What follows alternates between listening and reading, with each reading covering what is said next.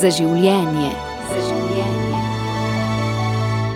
Lepo pozdravljeni. V novem letu bo v oddajah za življenje naša gostja tudi docentka dr. Andreja Poljanec, žena in mati petih otrok, po izobrazbi pa psihologinja, specialistka zakonske in družinske terapije ter supervizorka. Izdala je knjige in knjižice med dvema ognjema: Rahločutnost do otrok, Rahločutno starševstvo, Moj svet, Starševstvo ima okus po sreči je docentka za področje psihologije na Univerzi Sigmunda Freuda v Ljubljani. Na študijsko-raziskovalnem centru je vrsto let razvijala projekte pomoč mladim družinam v stiski. Predava predvsem staršem, vzgojiteljem, učiteljem, pedagogom, socialnim delavcem, zdravstvenemu osebju, prostovoljcem ter vsem, ki se pri svojem delu srečujejo z ljudmi. Sodelavci je leta 2012 ustanovila Zavod študijsko-raziskovalni center za družino, kjer je strokovna vodja. Odpirali bomo različne tematike, ki so v tem trenutku aktualne za vse. Vabljeni k spremljanju teh oddaj.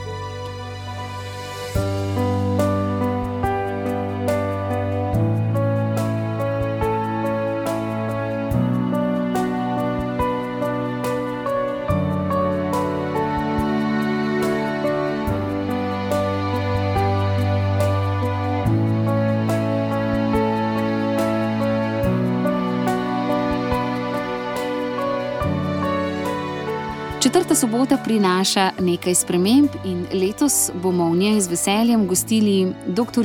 Andrejo Poljanec. Dobrodošli. Dobar dan, hvala. Andreja, začela sem z vikanjem, pa vendarle smo že večkrat sodelovali in predlagam, da se tikava v sklopu najnih oddaj. Ja, super ideja, hvala, Mataja, enako. Za začetek pa bi vendarle rada, da se predstaviš. Jaz bom naredila neko vod. Uh, si mamica, žena, pet otrok imate z možem.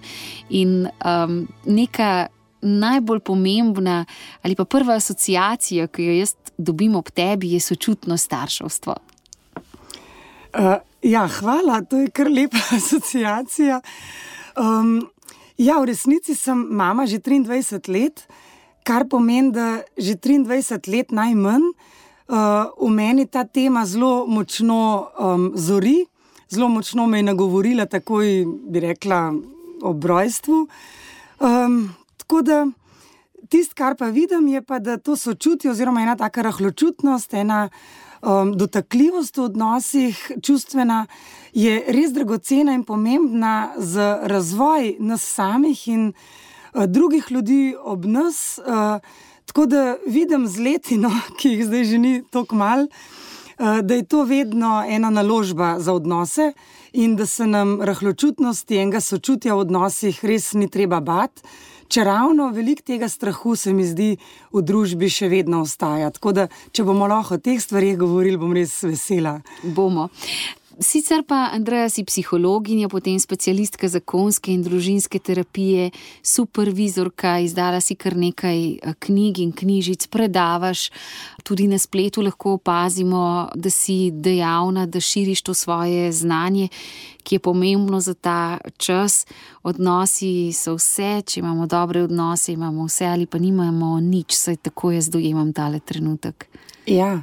Res je tako, um, tudi znanost vedno znova dokazuje različni vidiki znanosti, tako neuroznanost, psihologija, psihoterapija, tudi če druge kakšne znanosti, da so odnosi res eno tako jedro razvoja nas samih in da če zmoremo v odnosih živeti z enim občutkom varnosti, povezanosti, občutkom pripadnosti, zaupanja, to so taki temelji, bi rekla, uh, da potem tukaj eno zdravo jedro tudi osebnosti izgradimo, ali pa ga pa še v bistvu sproti skozi življenje dograjujemo, eh, da je to res ena taka temeljna podlaga za mnoge druge zadeve v življenju, tudi za razreševanje stisk, tudi za bolezni, tudi za.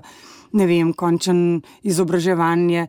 Tako da je res zanimivo, ne, da so v bistvu odnosi tako ključnega pomena, hkrati pa dragoceno, ker imamo tudi sami vedno lahko aktivno vlogo pri tem. Da... Preden se lotiva najne teme, bi ti zastavila še eno vprašanje, sicer bo bolj moje osebno, uh -huh. pa mhm. upam, da dovoliš, ampak ob tem tvojem sočutnem starševstvu se sama precej najdem v starševstvu, sploh takšnem, tudi kot učiteljica v tem uh mhm. -huh. sočutnem eh, pedagoškem pogledu. Eh, se mi zdi, da tudi tu. Še vedno velja, ko ga poslušaš. Ja, ta nas je naučil, naučila, mm -hmm. bali smo se ga. Sama pa ne pristajam na, to, na ta vrsten ja. tip eh, profesorja, in se mi zdi pomembno, da se dijaki, dijakinje, učenci, učenke ob nas počutijo varno in dobro, ker. Po mojem občutku so takrat bolj dojemljivi za znanje, ali se motim, ali imam prav, ali je moja pot. Zdaj takšna, sem si že zapeljala prava. Bi si želela, da bi bilo veliko več učiteljev v slovenskem prostoru, ki bi razmišljali na način, kot ti doživljaš, da je bi rekla, primerno, zdravo, najbolj polno, uh, ker tudi tukaj res se lahko tudi na znanost, bi rekla, opremo, da sproščeni odnosi, res in varni, prav, bi rekla, varni, sproščeni odnosi tudi v razredu, uh, res bi rekla, omogočajo najbolj polno srkanje znanja, ki tudi ostane. Um, In je zelo dragoceno, ker vpliva tudi na eno tako, bi rekla, dinamiko v razredu, ne, socialno mrežo, ki je pa drug zelo pomemben dejavnik v, v šolskih sistemih. A ne prav to vrstniško um, druženje, povezovanje. Um, to tudi spodbuja manj tekmovalnosti, ampak več kolegijalnosti v razredu, če je tako vodja, a ne če je tako učitelj. Tako da v resnici na več nivojih, torej na čustvenem, socialnem in kognitivnem uh, nivoju, taka drža učitla uh, pripomore in spodbuja k pravemu pridobivanju znanja. Hvala.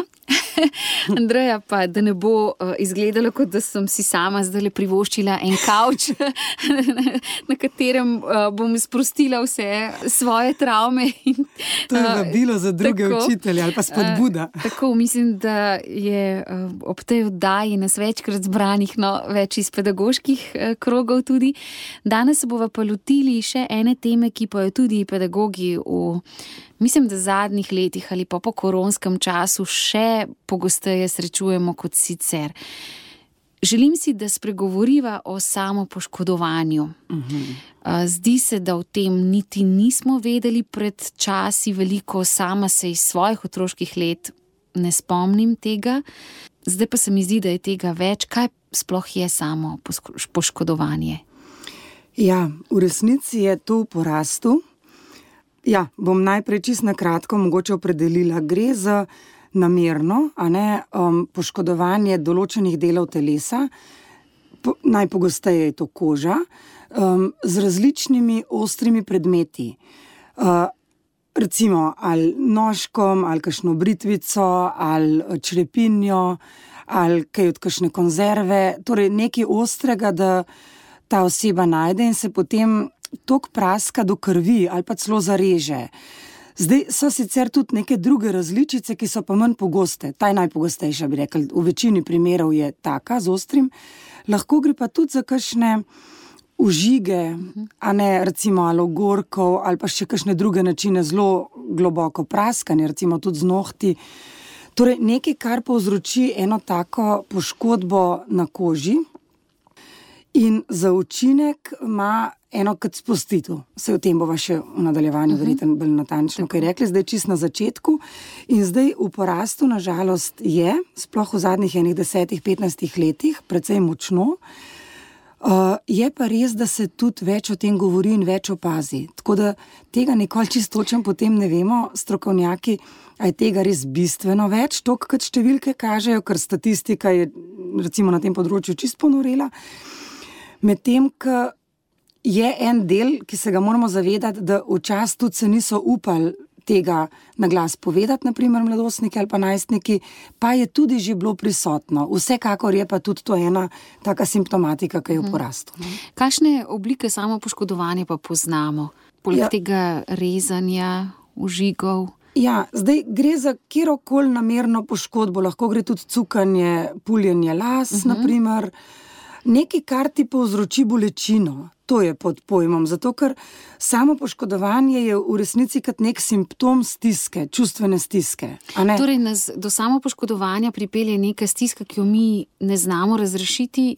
In ja. jo na ta način ja. utišamo. To je v bistvu kot uh, ena tudi malce definicija. Zdaj, kaj točno je po obliki, je ta glavna, ki sem rekla, ampak tudi druge, kar ti povzroča poškodbo. Lahko je to tudi butanje z glavo, ampak to recimo počne bistveno manj ljudi, uh -huh. kot da se mal porežeš. Uh -huh. uh, gre pa vedno, uh, to je pa nekako uh, um, razumevanje tega, za regulacijo čustvene stiske. Torej, nikakor ne gre pri samo poškodovanju z. Um, neko izsiljevanje, manipulacijo, iskanje pozornosti ali pa kaj tasga, uh, ali pa neko duševno motno, niti ni ena duševna motna, to prav kot diagnoza, ampak gre za um, regulacijo čustvene stiske skozi telesni način. Kar čist, recimo, če si hoč, hočemo tako malo predstavljati, da ti čutiš vse eno neznosno bolečino, tesnobo, zelo pogosto občutek, da si nerazumljen, da si morda znotraj nekih konfliktov. Um, in ne veš, nimaš pa sogovornika, nimaš nikogar, ki bi te v tem res prepoznal, začutil, spregovoril. Skratka, te na ta odnosni, besedni tudi način, a ne poleg odnosa, nagovoril in pomiril ker odnos, pa besede v odnosu nas v resnici zelo pomirjajo in naredijo nas občutek povezanosti, pripadnosti, sprejetosti. Um, tukaj gre pa za, za eno tako rešilno bilko, ali kako bi rekla, uh, ko moraš ti to stisko pretvoriti, kar je en pretvornik v fizično stisko. In v bistvu lažje prenašamo ljudje fizično stisko, kot kar čustveno oziroma psihično stisko.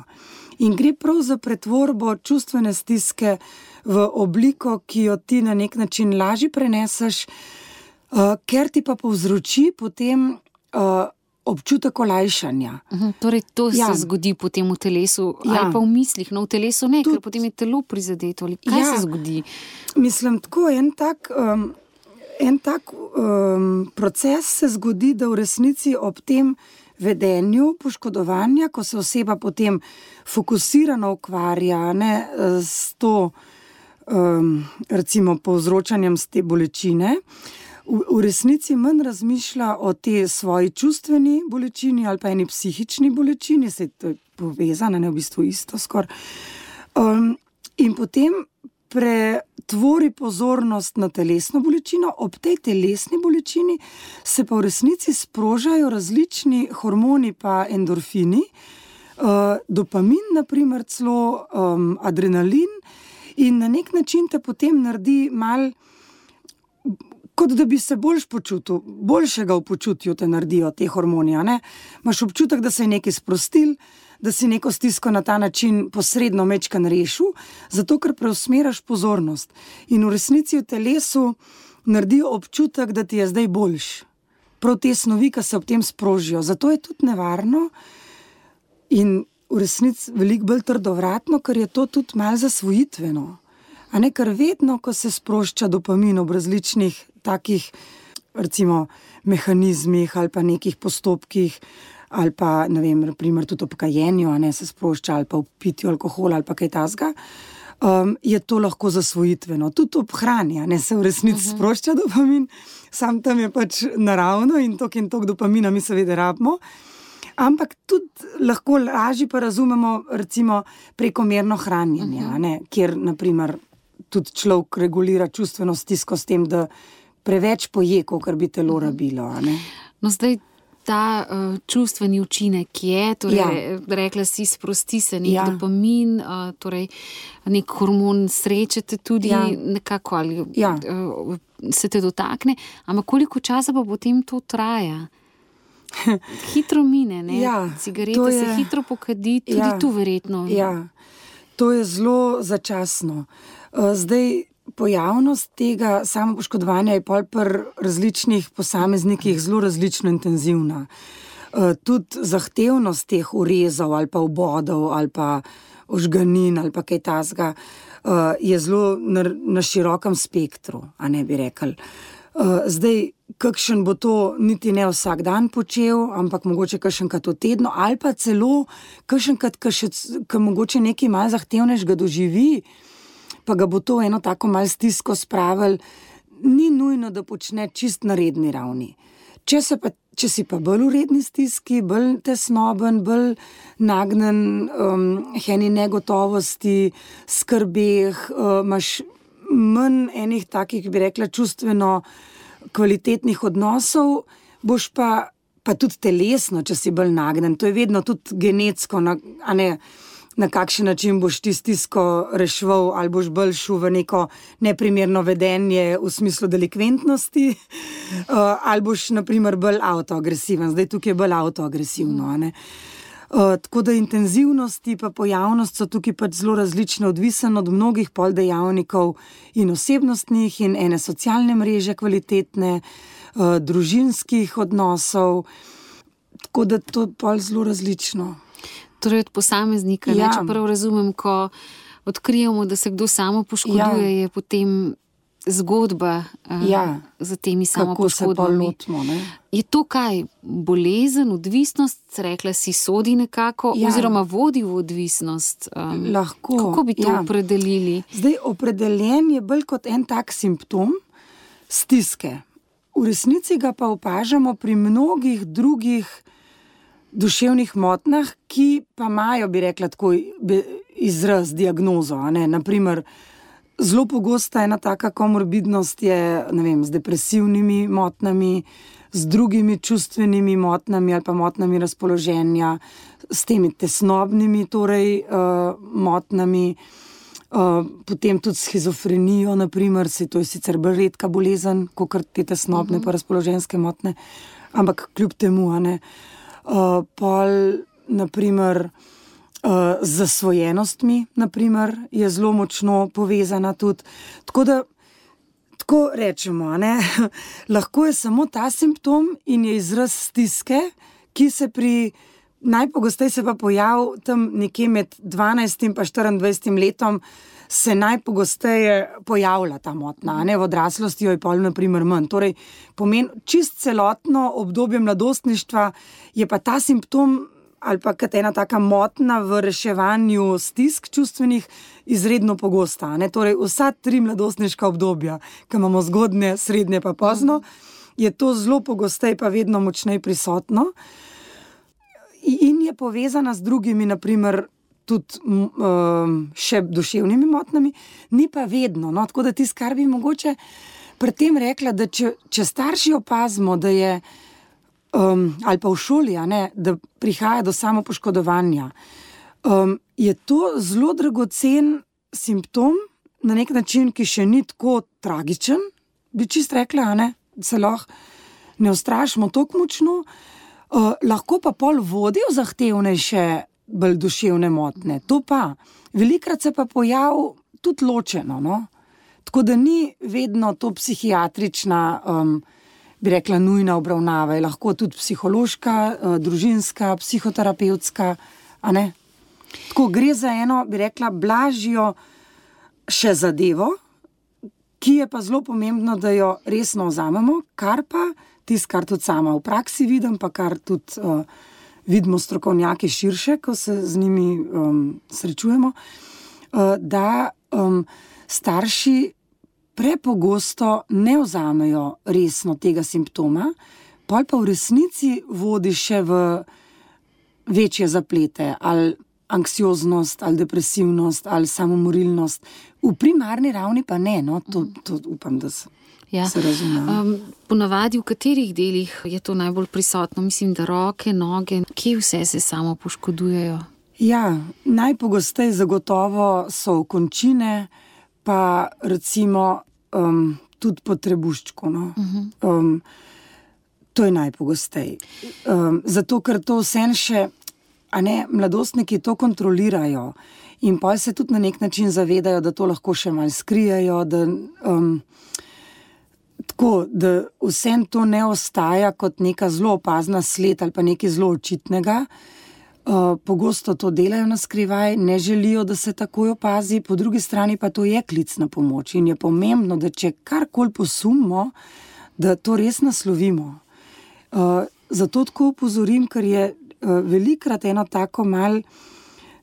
Ne nujno zavestno, ampak um, prikrivanje tega, da starši v bistvu že posumijo, pa vidijo, pa v bistvu ne naslovijo. V resnici najstnik, pa mladostniki želijo, da se ta stiska spre, uh, spregovori.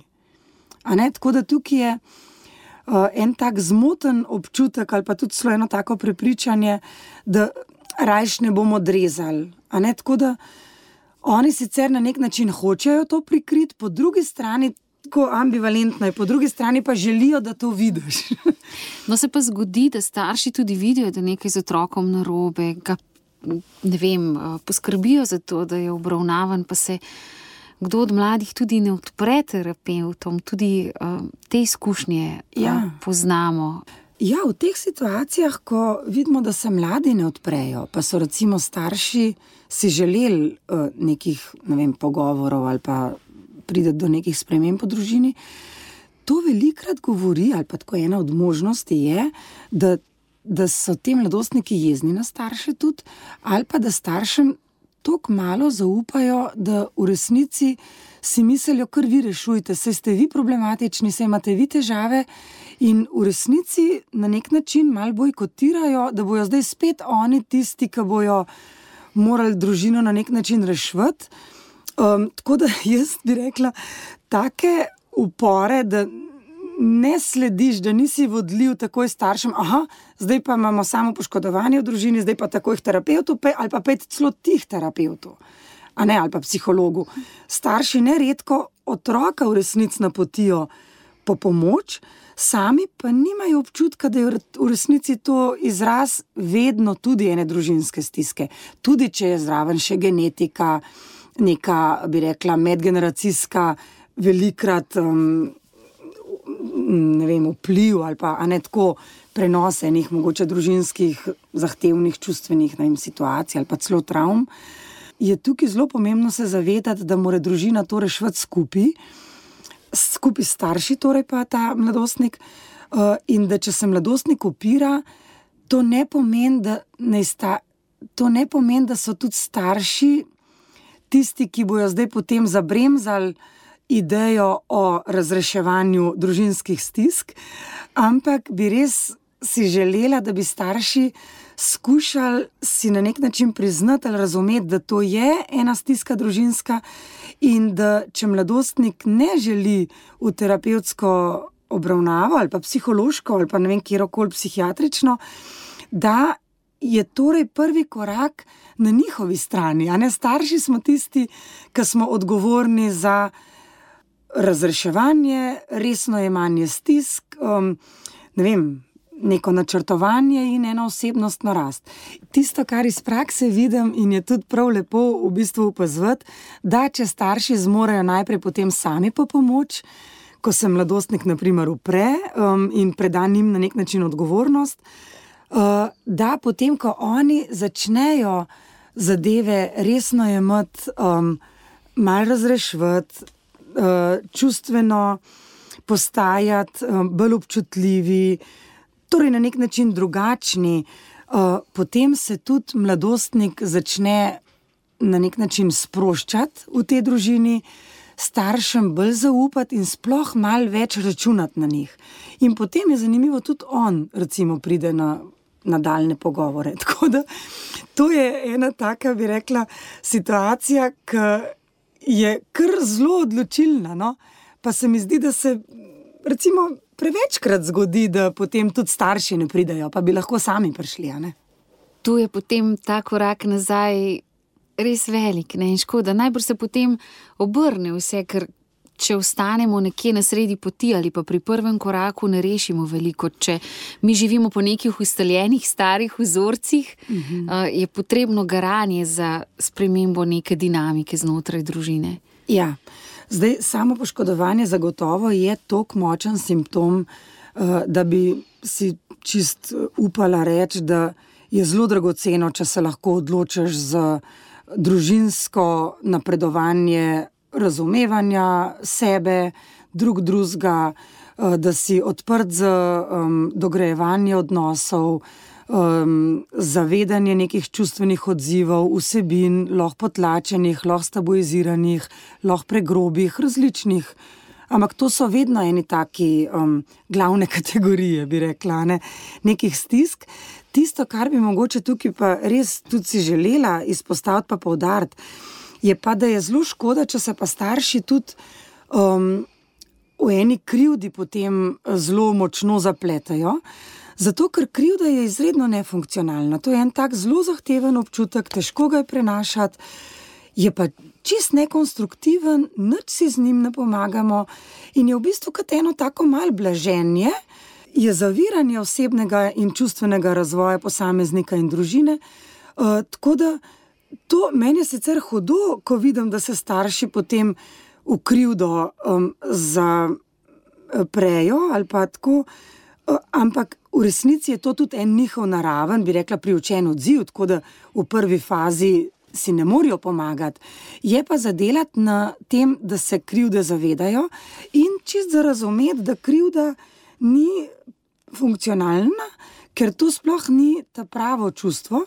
Recimo, primerljivo čustvo, ki pa je um, konstruktivno, ki pomaga pri razvoju, je pa obžalovanje.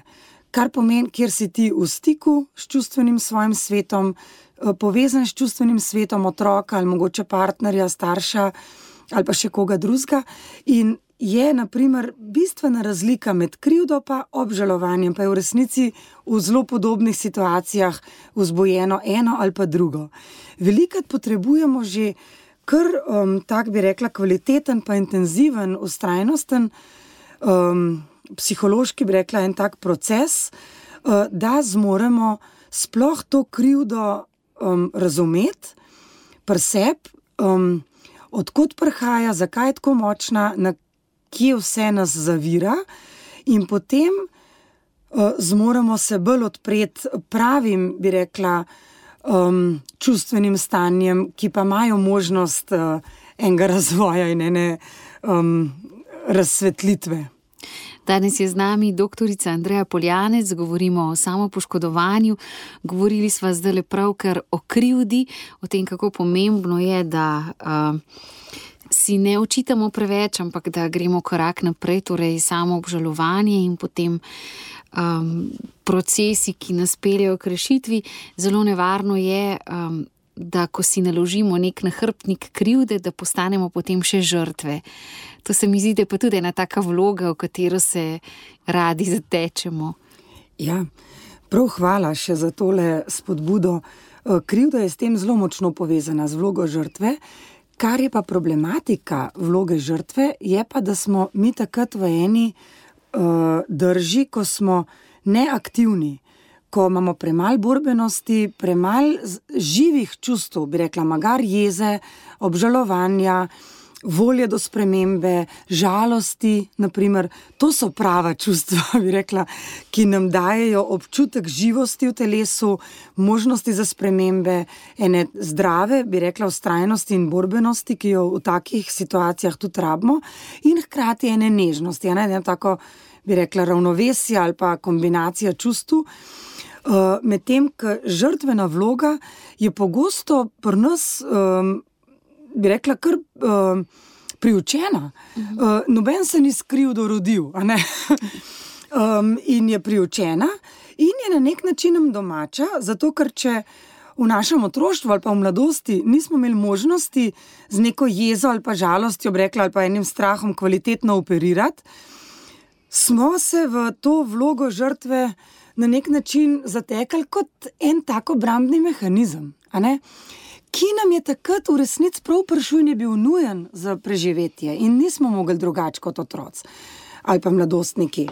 Mal čuvati mamo, mal čuvati očeta, rajš nas eno breme vzeti in ne se jeziti na nje, ker bi pretežko to prenašali in bi bilo še bolj konfliktno in še bolj nasilno doma ali pa kakorkoli zapleteno.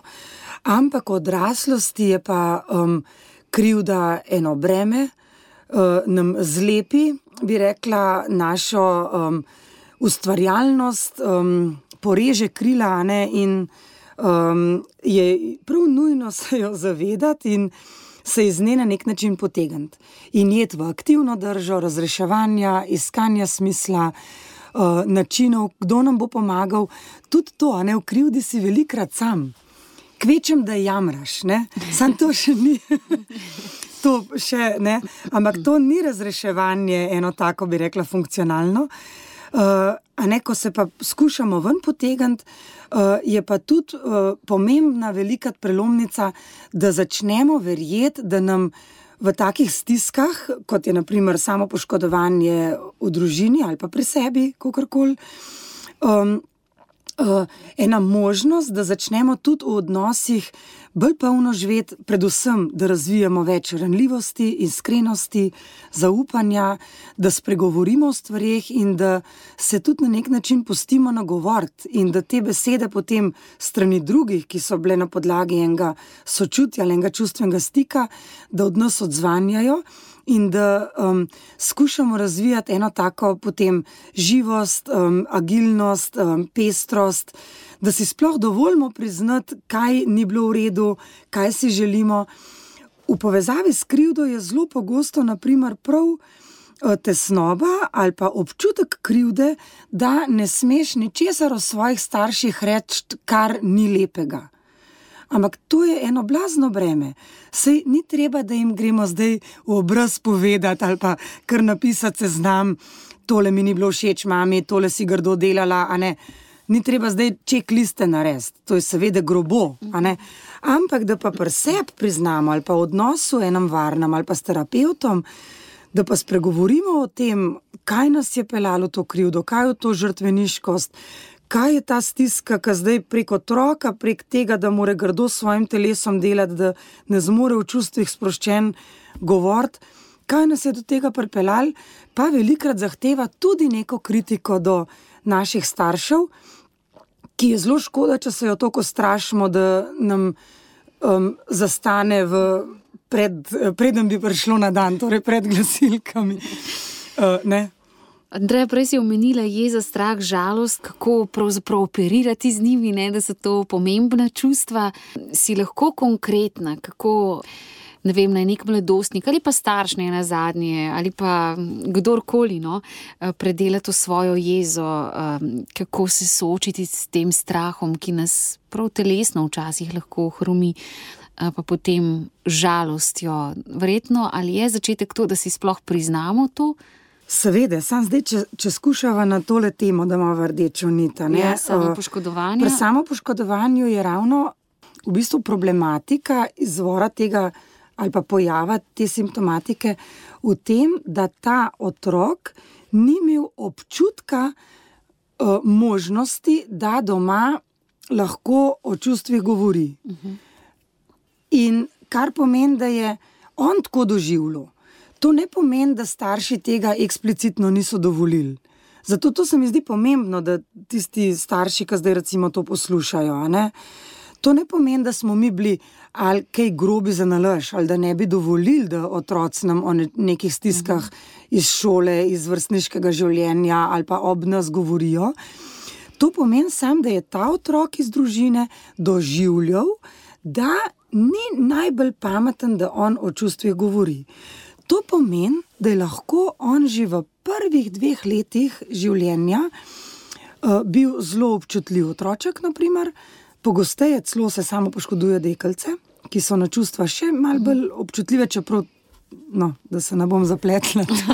no, tako so tudi če bolj. Ja, torej, več odstotkov je no, pri dekalcah.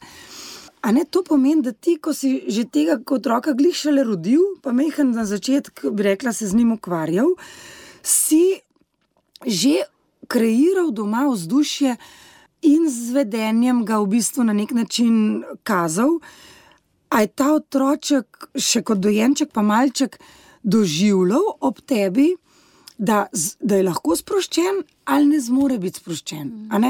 To so v bistvu zelo ene take nijanse. Zato je škoda se pol krivga počutiti pri 14, ko ugotoviš za samo poškodovanje, ker ti nisi za nalož grdo delal z otrokom. Mhm. Niti slučajno, jaz to na kraj pameti mi ne pade. Ampak je pomembno, ne, da se ozavestimo ja, in začnemo. Zato moramo ja. pa v bistvu to ozavestiti. In v bistvu ti otroci uh, se že v eh, predšolskem obdobju niso naučili, ker niso imeli občutka, da se lahko izražajo, zato ker je bilo doma ali preveč konfliktnosti, ali preveč enega nasilja, ali pa preveč ene tesnobe ali neke take zadržanosti, da ta otroček ni čutil, da je, da je še kaj prostora za njega. In se je v bistvu navadil, da da prednost staršem ali pa kakšnemu sorojencu. Um, ne, ki so bili pred njim rojeni, ali pa so bili polrojeni, pa so bili ne vem, kaj bolni, pa se je bilo treba več z njimi ukvarjati. In se je stiska sam počasi, počasi v bistvu nabirala v teleščku njegovem organizmu.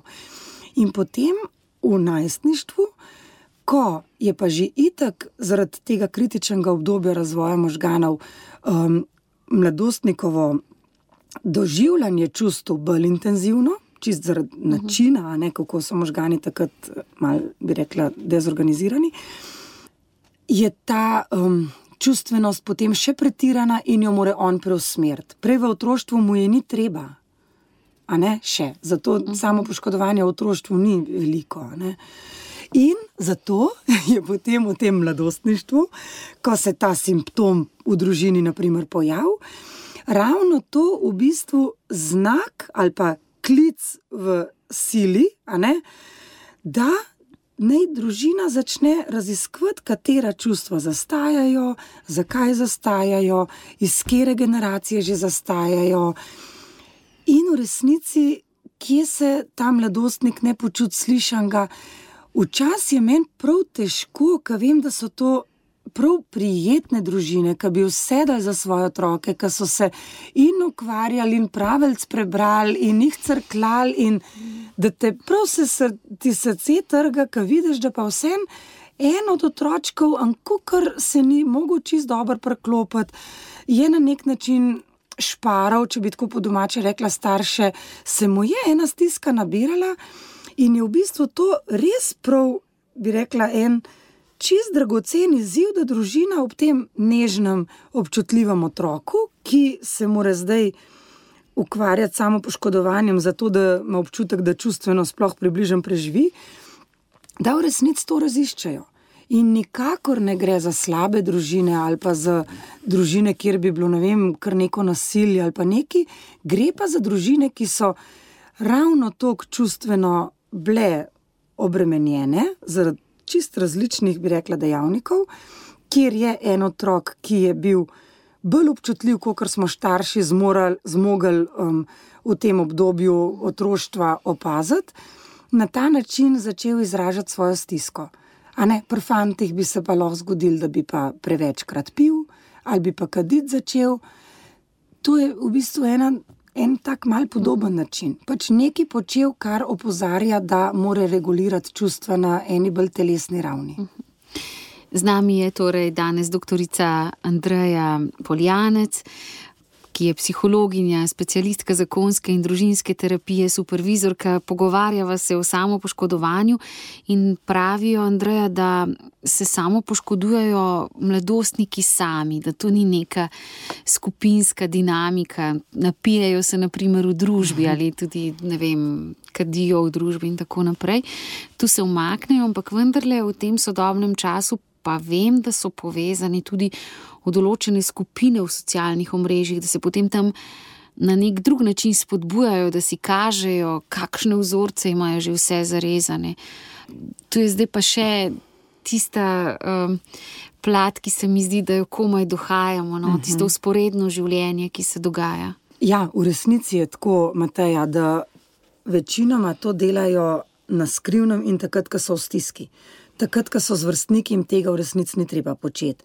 Oziroma, če se počutijo med vrstniki dobro, jim tega ni treba početi. V resnici se pa, nažalost, kar je tako na nek način prav tako grozen občutek, uh, morajo včasih tudi med odmorom šolskim jeti. Naprimer, malo porezati, malo mhm. kaj uščipati, ali pa celo med poukom. Um, ampak ni tako, da bi, da bi to bila kot skupinska dejavnost. Ja. Uh, Tisto, kar je pa zdaj res, to pa je, bi rekla, bolj sodobno, ko so sploh ta socialna mreža, recimo, dostopna in zaston na nek način. Um, je to pa, po mojem, en način povezovanja v stiski med mladostniki. Tako kot imamo kakšne, recimo, skupine za samo pomoč, tako kot imamo, ne, mladostnikova potreba po povezovanju z vrstniki je ena od vodilnih potreb v mladostništvu. Ne?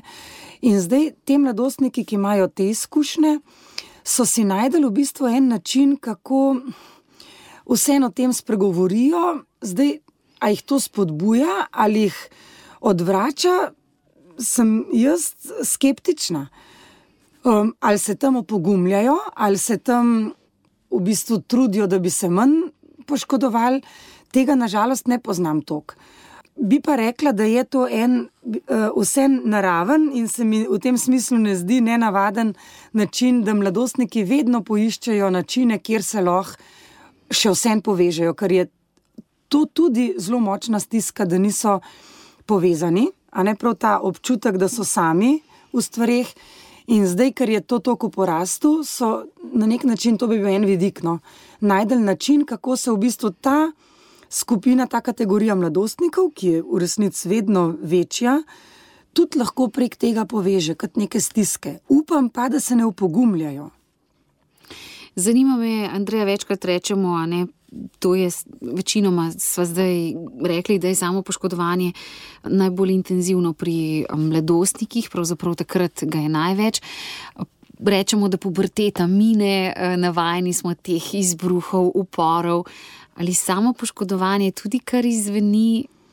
Zelo žalosten in krivično je, če mora mladostnik um, skozi obdobje ali pa skozi občutek ob starših ali pa tudi drugih vem, bližnjih, da bo to kar izvenel in da noben tega ne opas.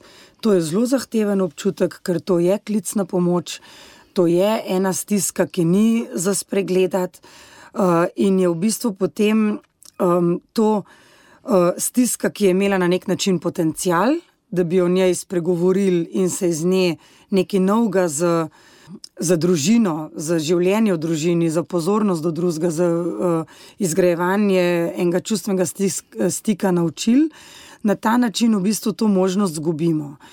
Zdaj, prekršenemu mladostniku bo tudi to vse samo od sebe, bi rekla, ali prek tega, da se bo z vrstniki dobro povezal, da bo imel res tesne prijatelje med, uh, med vrstniki.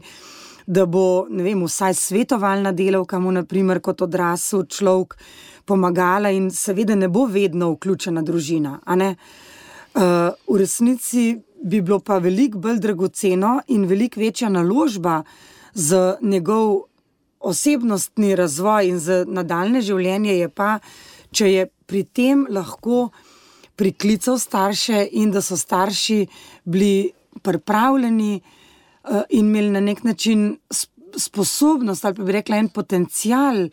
Eh, da so ga zmogli v tem globje začutiti in skupaj razrešiti in ga um, globi skušati čustveno prepoznati te stiski in mu reči, meni je žal, da to počneš, da imamo skupaj biti v tem, kaj lahko narediva, kje te prizadeneva, kje te spregledava, kako se ob tem počutiš.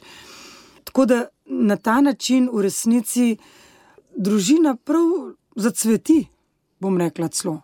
Ne, če to vzame kot možnost. Mnogi mladostniki pa ja, tudi zaključijo s tem, brez neke mal resnejše obravnave, ali pa s pomočjo drugih odraslih, ali pa kakšnih vrstnikov, ali pa kakšno leto starejših, ali pa s kakšnim spodobno izkušnjo, kakšnim trenerjem tudi. Tisto, kar je pa navarn, nevarno pri tej skupini, kjer ni družinske uh, obravnave ali pa podpore, uh, je pa, da se potem to pogosteje um, razvije v druge, močnejše in bolj zahtevne, pa prav duševne motnje. Ne samo kot smo to rekli, da je kot nek simptom stiske, ampak prav diagnoze. Tako da v primerih, ko se pa uh, samo poškodovanje podaljša v odraslost ali pa da se vem, celo začne v odraslosti.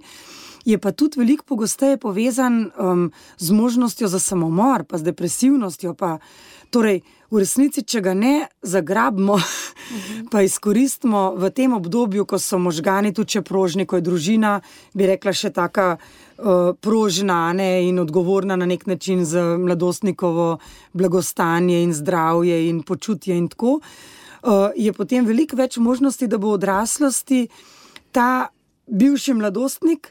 Um, veliko bolj v stiski, ne bo nič iz tega se nauga naučil, samo takrat se bo naprimer, na taki kognitivno-vedenski ravni natreniral, da tega ne počne in bo najdel neke druge mehanizme, kako se takrat sprosti, kako zdrži z neko stisko. To bo lahko naredil. Ne bo pa ene take globine, temeljne pripadnosti in občutka sproščenosti, varnosti, pa zaupanja, imel možnosti razviti, kar pomeni, da bo z istim deficitom šel naprej v življenje. In s tem deficitom je vsakmu zelo naporno in zelo težko živeti. Še eno vprašanje, ki se mi zdi pomembno. Vrstniki včasih zaupajo svojim vrstnikom, to so uh mhm. -huh. mladi, mladi. Ja. Kaj naj tisti, ki mu je zaupano, naredi s tem? Včasih se potem ti mladi zaupajo svoji družini, kaj naj starši tistega otroka naredijo s tem, ki so naprimer, ja. že odrasli, odgovorni. Se mi zdi, da se tu um, kar veli nekaj kepa mm. nekih odgovornosti, in da ne vemo točno, kaj in kako odreagirati. Ja, se je tudi zelo kompleksno v resnici. Ja. Zdaj, mogoče, če izpostavim dva vidika. Uh, eno je, da zelo dragoceni so vrstniki in velikrat se mladostniki najprej zaupajo vrstnikom.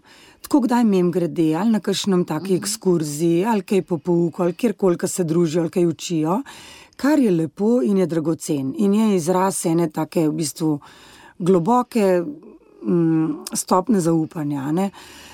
Tisto, kar je pa pomembno, da se mogoče zavedamo, pa tudi če mladostniki to slišijo ali pa odrasli, je pa, da mladostnik mladostniku nikoli ne more dovolj kvalitetno pomagati.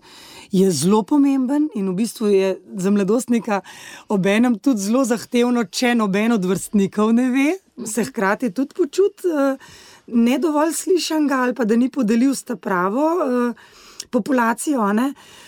Da, ampak ni pa dovolj, zato ker ima tudi tisti vrstnik še nezrele mehanizme regulacije stresa. Možgani v resnici so nezreli tam do 22-24 leta in je ta podpora preskromna, je pa zelo dragocena. Tako da uh, to je en vidik in pa če mladostnik, en ali pa drug, povesta staršem ali pa svetovalni delavki, je pomembno, da se starši zavedamo enih osnovnih smernic, ki jih pa lahko tudi pomirimo in rečemo: A pa je koga prosil, lahko ga spodbudiš, kakšna je pa svetovalna delavka. In pol vidiš, aj čudna, aj otroci zaupajo, ali je. Um, ali je boljš kdo drug, komu pa zaupa? Iskati vire moči, tako v bistvu. Um, je to ena taka smer. Da, ko pride to nekje do odraslega, ali pa tudi pri mladostnikih, iskati vire moči tudi med odraslimi. Včasih je to tudi kakšen od mogoče sorodnikov, pa mu otrok bolj zaupa kot staršem, lahko je to um, mogoče kakšen od trenerjev, duhovnikov, ne vem. Vse sorte, bi rekla, različnih ljudi, ja, ljudi ki. Ki tistemu mladostniku vzbujajo občutek zaupanja, varnosti in ki imajo neko tako, rekla, osebnostno zrelost, da bojo se tudi znajdeli v eni taki precej zahtevni in čustveno nabiti situaciji. Tako da usmerja to odrasle vire moči, ki so pa seveda varni, pač neke varne točke. Nikoli ni dovolj vrstnik vrstniku pri tako globokih stiskah.